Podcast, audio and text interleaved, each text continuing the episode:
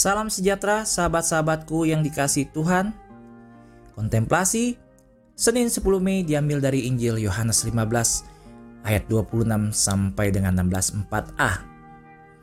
Jikalau penghiburan yang akan kutus dari Bapa datang yaitu roh kebenaran yang keluar dari Bapa, ia akan bersaksi tentang aku. Tetapi kamu juga harus bersaksi karena kamu dari semula bersama-sama dengan aku.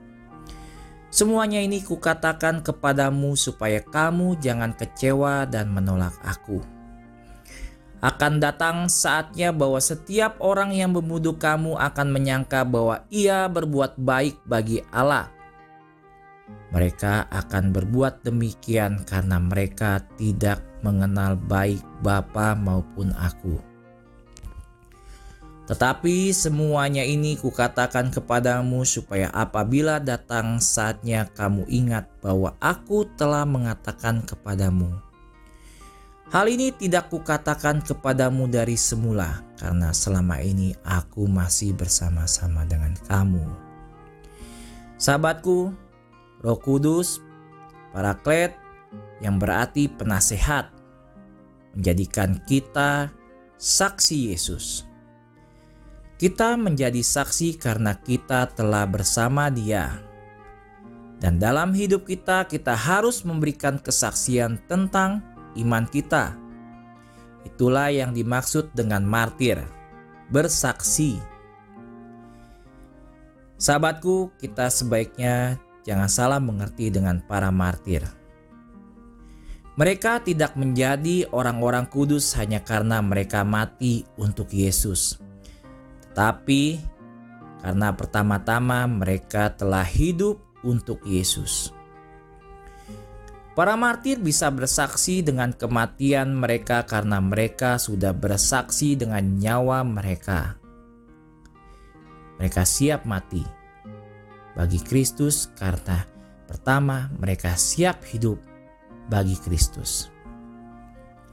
Ada cerita pada tanggal 20 Juli 1936 di Bar Bastro, Spanyol.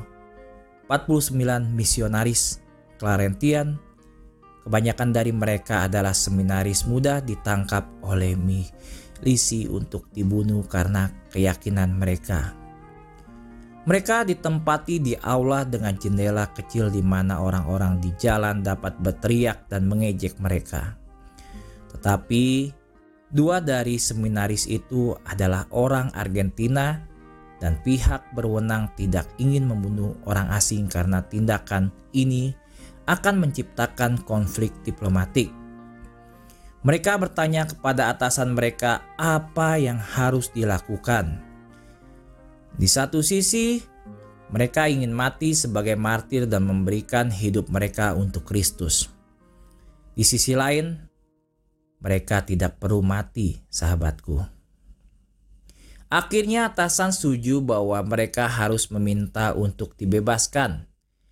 Kemartiranmu mereka diberitahu akan menjadi umur panjang untuk melayani Tuhan kita. Dan begitulah adanya. Sahabatku, kita juga bisa menjadi saksi atau martir. Yesus Kristus dengan hidup kita, kita bisa bekerja sebagaimana mestinya, berdoa tepat waktu, berbicara dengan percaya diri tentang iman kita kita juga harus menghentikan hal-hal buruk seperti percakapan yang buruk, bergosip, penghujatan, atau kita berdiri demi nyawa orang yang tidak bersalah. Begitulah cara kami memberikan kesaksian tentang Yesus. Itu adalah kematiran kami, dan itulah yang kami minta melalui perawan Bunda Maria karunia, ketabahan, roh kudus. Bunda Maria harapan kita dan tata kebijaksanaan, doakanlah kami.